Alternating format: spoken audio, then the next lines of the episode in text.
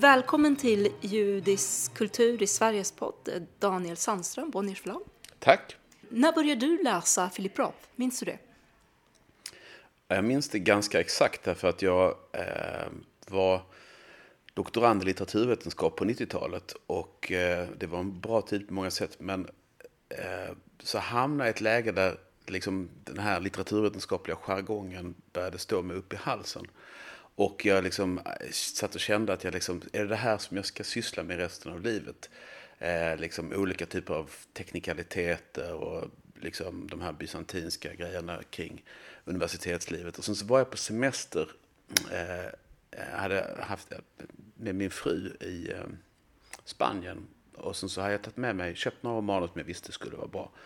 Men jag kände att jag, var liksom, jag hade ägnat liksom väldigt mycket av min läsande tid till väldigt tråkiga saker. Och sen så satte jag mig med American Pastoral eh, som kom då typ 99, 98 kom den. Eh, och eh, jag tänkte jag måste kolla vad det här är. För att jag hade, liksom, min bild av Roth då, det var alltså han som skrev Portmans Complaint. Jag hade ju läst någonting tidigare och sådär. Och jag var 30. Men ingenting hade förberett mig på liksom den här, eh, att det här skulle vara en, liksom en roman som, för mig var det en roman som återgav mig tron på vad romanen kunde göra. Och att hans sätt att berätta och hans röst och Zuckerman var liksom en, liksom, en örfil. Liksom att här har du hållit på och teoretiserat i tio år på universitetet och vad har du gjort med ditt liv? Nothing. Det är så här litteratur ska vara. Eh, och det, så det var verkligen en ögonöppnare. Och jag ska inte säga liksom, det, det blir högtravande att säga att, de, att den romanen ändrade mitt liv, men den ändrade, jag fick en känsla av att åter tillbaka som jag hade fått när jag hade läst liksom, när jag var lite yngre. Att, att litteraturen handlar om livet och det handlar om dig och det handlar om mig.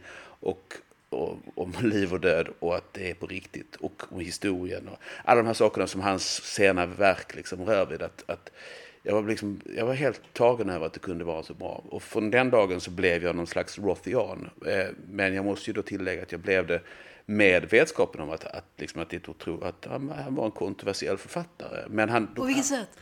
Ja, det är så, det, den frågan är så lång. Alltså, hela hans karriär är ju en oändlig rad av kontroverser.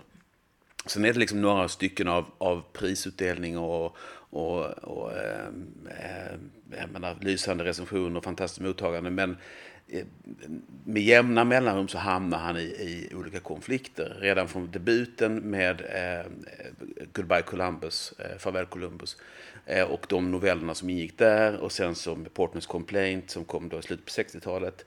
Och liksom, så var, var tionde år så blev det liksom ett nytt ramaskri på olika sätt. Och det, han var lite jobbig faktiskt. Han, var en, han, var, han, var, han ville ha det på sitt sätt. Han, ville, han var mån om sin frihet. Och, det, och då var han också beredd att ta konsekvenserna av det till stor del. Men för mig var det på något sätt, sen kom det så att han efter eh, American Pastoral så kom det i, liksom, nya böcker. I, liksom, han, han hittade en ny kreativ fas, det liksom, som var hans sena fas, där det kom nya böcker vartannat år som var, höll alla en otroligt hög nivå. Han, han, han, han helt enkelt lyckades ta sitt författarskap ett steg längre. Jag intervjuade Sadie Smith en gång. Och Sadie Smith sa liksom att man kan säga vad man vill om, om Philip Roth, men det han har gjort med romanen och med romanformen under så lång tid, det är, är någonting helt unikt. Man måste förstå hur svårt det är. Och det, jag tycker att hon har en bra poäng där. Att liksom att det, är det någonting som, som sticker ut med Roth så är det hur han eh, lyckades liksom vrida romanformen till att göra så många olika saker och, som, och göra det på ett sånt sätt så att nivån... Han upprepade sig väldigt sällan. Han, var, han drev sig själv, han drev formen på ett sätt som är, som är helt unikt. Eh, du pratade tidigare om att han var kontroversiell och nästan provocerande. Har det också sagts att mm. han var. På vilket sätt provocerade han? Vad var det som var liksom kontroversiellt med Roth? Um, men jag kan ta en liten anekdot. Jag intervjuade honom. En av de sista intervjuerna han gjorde, gjorde, uh, uh, gjorde han när jag var på Svenska Dagbladet. Och då uh, pratade vi i telefon innan intervjun. Intervjun skulle ske på, på mail. och då var han ganska mycket så här att han han ville gärna så här, liksom, så här, prata om vilka frågor vi kunde ställa och sådär. Jag kände att han liksom helt klart ville, ville få ur sig vissa saker. Eh, till exempel, han ställde, jag pratar gärna om Nobelpriset sa han, så då ställde jag en fråga om Nobelpriset. Och då skrev han något svar som var så här att om jag hade gjort liksom Portnoys complaint på ett annat sätt så kanske det hade skett. Lite så här, lite provokativt. Att han hade han hade en sida där han gärna liksom eh, eh det har att göra med hans frihet att göra. Det fanns ingenting som var viktigare för Roth än friheten. Friheten att tänka som man vill, att skriva som man vill, att inte bli dikterad av någon annan, att, att förändra sig, att variera sig, att inte vara underordnad.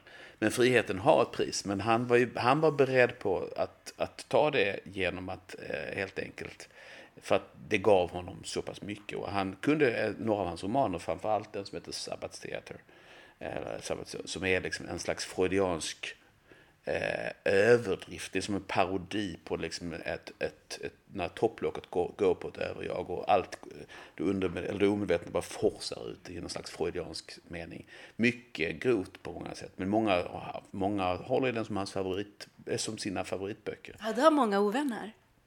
Eh, det vet jag inte om han har så många ovänner, det, kan jag inte, det har jag ingen bra uppfattning om, men han var han var, han var inte rädd för att vara kontroversiell. Så att han var inte, jag skulle inte säga att han var en sån som sökte bråk. Han var, inte, han var inte provocerande på det sättet. Men hans frispråkighet och hans vägran att lägga band på sig uppfattades som en provokation. Och det började redan egentligen när han debuterade. Hans, hans eh, första bok, som då heter Goodbye Columbus, innehåller också några noveller. Och flera av de novellerna, eh, framförallt den som heter Defender of the Faith, eh, handlar ju om eh, eh några judiska soldater i, i slutet av andra världskriget. Som, eh, och så som Roth beskriver de här så gör han det på ett sätt som är eh, med, man skulle säga på engelska, with warts and all. Han förskönar inte dem. Han, han gör inte dem till några ädla ynglingar utan de är ganska eh, det finns en slags kamp mellan de här judarna i berättelsen som, där man helt klart Eh, Eh, förstår att han är, är mån om att utmåla dem så som de på alla sätt och vis som en människa kan vara. För det blev, eh, och det här, den här, att den här publicerades i, i The New Yorker och inte i en judisk tidskrift. Det var ett sätt att, liksom, att, att sälja ut eh, eh gruppen eh, till liksom den, den, amerikanska allmänheten på ett sätt. Han var inte lojal med, med den bild man skulle visa utåt. Och det uppfattades rabbinerna som extremt provocerande. Att han liksom, liksom du är mer antisemitisk än Hitler. Liksom. Det blev, eh, han, den här, att han, inte, att han eh, vägrade underordna sig helt enkelt eh, var, var otroligt provokativt. Och det här var alltså 1959. Och sen så tio år senare när han gör Portnoy's Complaint som är också en freudiansk liksom, bok och framförallt om den unge judiske mannen och hans relation till sin familj, framförallt till liksom, den dominanta judiska modern. Eh, det, liksom, skämten, nivån på, på, på de olika skabrösa inslagen, det slog ju folk med häpnad. Att han vågade vara så grov i mun helt enkelt. Du måste läsa den. Det måste du göra. Som judisk mor. Dominant. nej, det, nej, det finns många som har beskrivit, och efter hans död så är det många som har skrivit om det här också, hur han att det var frigörande gentemot den här... Det, det, fanns väldigt många regler i vad man fick göra och inte göra som amerikansk jude. Och att han, han menar också att han använde det som, alltid som exempel när han fick kritik, för, framförallt av rabbinerna. Uh, ni tycker att jag, liksom är, att jag beskriver folk med deras dåliga sidor. Så sa han, guess what? Jews are human beings too. Att, liksom att det var, och också att det fanns en slags krav på underordning, att man hela tiden måste sköta sig och att man hela tiden måste anpassa sig till en slags dominerande ideologi. Som amerikan, där, så att säga, och då liksom menar han amerikan i den här verkligen författningsmässiga meningen att man, man är fri och att man är fri och att söka sin lycka på sitt eget vis. Det tog han väldigt allvarligt och därför så, så blev han ju en, en, eh, en man som hävdade den här friheten hela tiden. Han, han har ju en eh, stark judisk perspektiv. Varför skrivs och nämns sällan det i Sverige, tycker du? Jag tror att det finns dels, man kan både se på det kring diskussionen kring Roth och sen finns det också diskussionen kring det judiska i Sverige. Det ena är att den svenska majoritetssamhället har förmodligen ganska eh, luddig kunskap om vad det innebär att leva som minoritet i Sverige. Eh, och det kan vara den judiska minoriteten, men det kan vara andra minoriteter. Man, man har gått i en homogen eh, skola med en eh, ganska sekular, eller väldigt sekulariserad, progressiv. Man har idéer om liksom, så här bör man vara för att vara svensk. Så kunskap, bristen om, om kunskap om minoriteternas liv gör att man inte heller kan, kan avkoda det som står i böckerna. Och då skriver man hellre om andra saker, till exempel sexualiteten som då är, liksom, är väldigt flagrant också. Eh, så där har du en sida, men andra sidan tror jag Roth också, att Roth själv värde sig mot, mot att bli definierad som en judisk författare. Han sa, är det någonting jag är så är det en amerikansk författare. Fast och, ändå så skrev, det, det kan man väl vara en, trots att man är jude? Absolut, och det, men det hänger ihop med den här frihetsgrejen. Att han ville själv välja hur han ville bli definierad. Han ville... Kan man någonsin göra det? Nej, men i den kampen, det är liksom en kamp som hans karaktär hela tiden står inför. Eh, vem ska berätta för mig vilken författare jag är? Är det jag eller rabbinerna? Eh, var, var en, en fråga han kunde ställa. Och han, eftersom, och han menade hela tiden att han hade en, en eh, hans ingång till, till att vara född, efter, eh, menar, född eh, i, i USA under växa växte upp under kriget och under 50-talet. att man Det var ett samhälle som gav honom möjligheten att bli amerikan. Eh, han var, han var i militären. Han, eh, och, och, och, han var väldigt lojal med den tanken. Sen så drog historien hela tiden in och han gjorde själv det judiska i det hela. Men det gjorde att jag tror att folk var obekväma att veta riktigt hur de skulle prata om det. För att han själv eh, kunde liksom ibland hålla det där borta från sig. Eh, Ändå inte. Nej, och det finns ett bra exempel. Alltså, när han skrev den eh, mycket starka romanen Konspirationen mot Amerika, där han egentligen tänker sig att, att USA får en Trump-liknande president, Charles Lindbergh, eh, flygarrestet blir som var en vrålande antisemit, blir eh, president. Vad hade hänt om USA hade fått en, en så antisemitisk president eh, på, under kriget? Ja, då hade ju jakten på judarna i USA också börjat, menar han. Och då sa han efter den boken att liksom, nu har jag äntligen skrivit en bok som rabbi, eh, har gjort rabbinerna glada. Och det är typiskt Roth att han, liksom, han, frågan fanns ju hela tiden, men han skulle själv definiera när det var dags för honom att skriva en, en, så att säga, en judisk roman. Men att det, det, det finns i hela hans litteratur så finns det hur mycket som helst av detta, det är klart. Men det gör honom också väldigt modern, att han, den här kampen med en, en, en Eh, kultur och en religion som man, man får med sig hemifrån. Så möter du ett modernt samhälle där du kan delvis forma ditt eget liv. Eh, det är ju hela liksom, sekulariserings moderniseringsprocessen som han går igenom. Och det gör honom också till, tror jag, till en väldigt eh, en författare som man kommer att återkomma till även i framtiden. Men, men Roth hör väl till den generationen som, som på något sätt liksom identifierade sig med det moderna Amerika och kände att, liksom, att föräldrarna och, och liksom det, det, kulturella arvet, hur lojal han än var med det, att det, att det ändå tyngde ner honom. Och att det, där, hans tidiga böcker är väldigt mycket en, en kamp med identiteten. Eh, och sen kommer det tillbaka sen när han blir, när han i de här stora romanerna eh, som börjar med American Pastoral, alla de romanerna handlar ju om folk som försöker fly sin identitet och passera som Eh, I American Pastor heter han Suede Levov och han är, liksom, han är då svensken till och med. Va? Eh, för att han är så blond. Och sen så i de andra så alla identitetsbyten hela tiden, att försöka fly dem.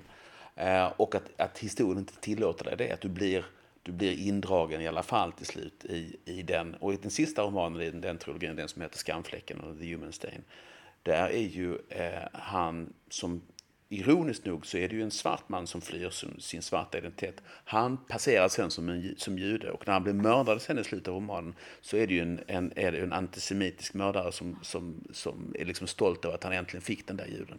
Så att, det, så att liksom det, här, det är, det, identitetsfrågan är hans stora tema. Det är en röd tråd. Det är hela vägen och det, jag skulle säga att det är större än det som rör det sexuella. För att sex, hans sex, frispråket kring sexualiteten är ett verktyg i, i frigörelsen.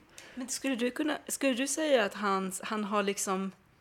För han, han skriver ju om USAs efterkrigshistoria så otroligt bra. Det är liksom, har han med sig, och han gör ju det på ett väldigt personligt sätt, har han med sig den här identiteten, eh, identitetsfrågan eh, även ja. i de böckerna?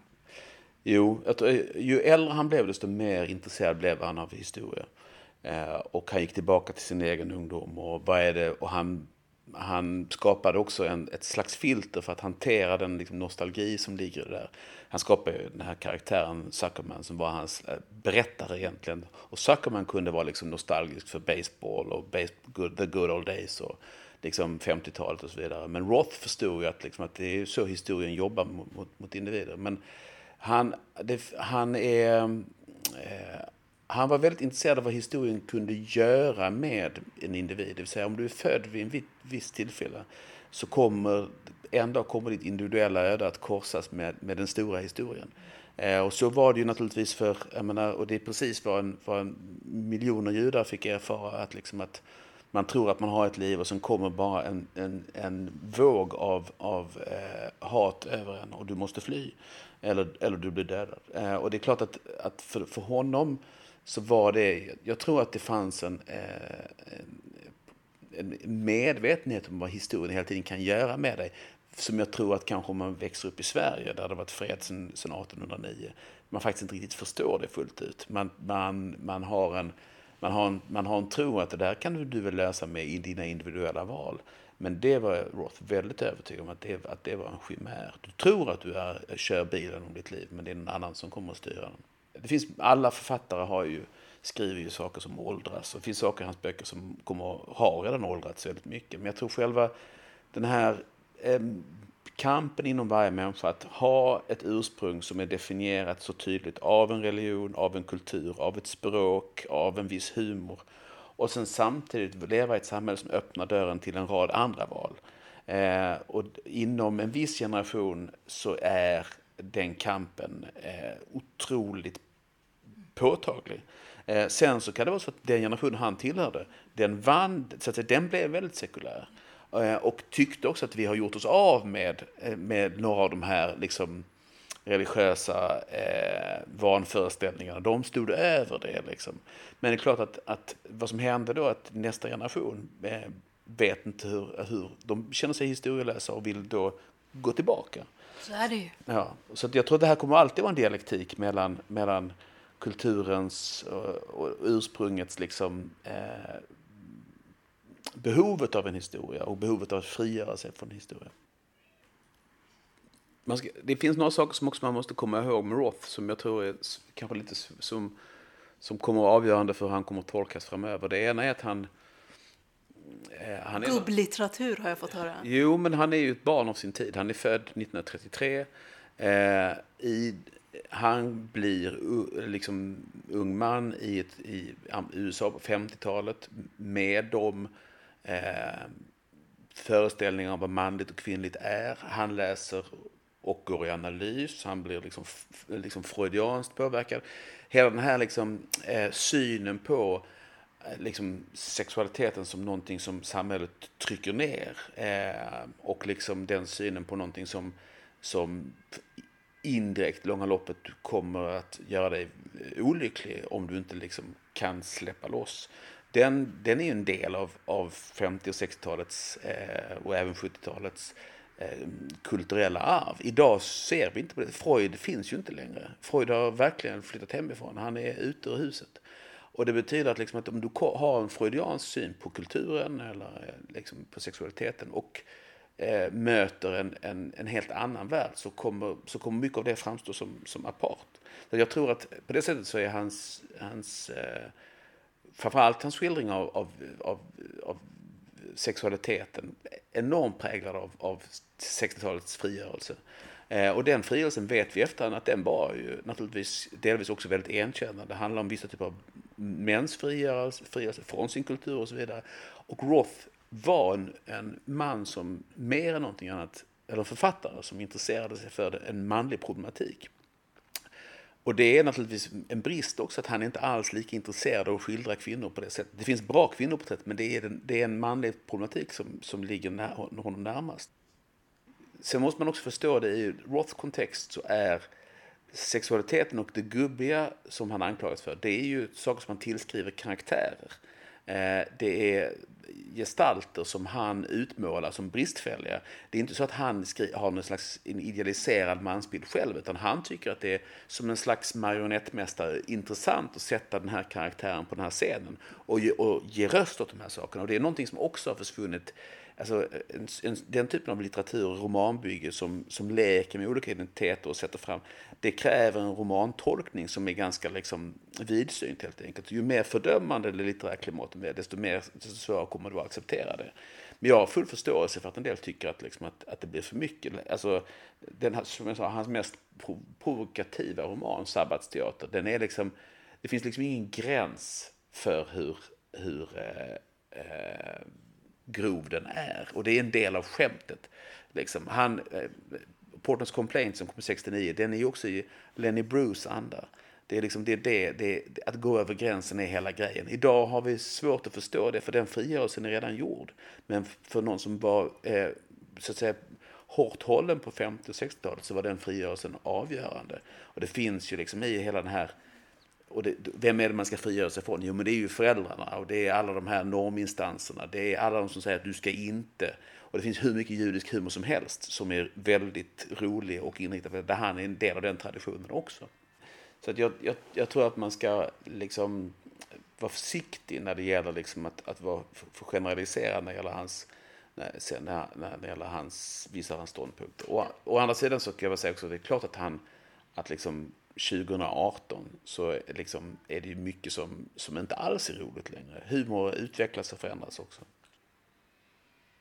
Men sen ska man komma ihåg också att Roth, som ett barn av sin tid, att han, han var eh, han, det judiska humorn gav honom en, en, en, en, stor, var en stor skatt man kunde använda av, eh, sig av. Men man, den generation han växte upp med, de judiska komiker som, som slog igenom, som Lenny Bruce eller Woody Allen, de fick inte heller presentera sig som judiska komiker. Utan det var ju liksom, det var underförstått, men de bytte efternamn. Eh, det var liksom, det, normen som Roth växer upp i är ju ett, ett vitt anglosaxiskt eh, protestantiskt USA.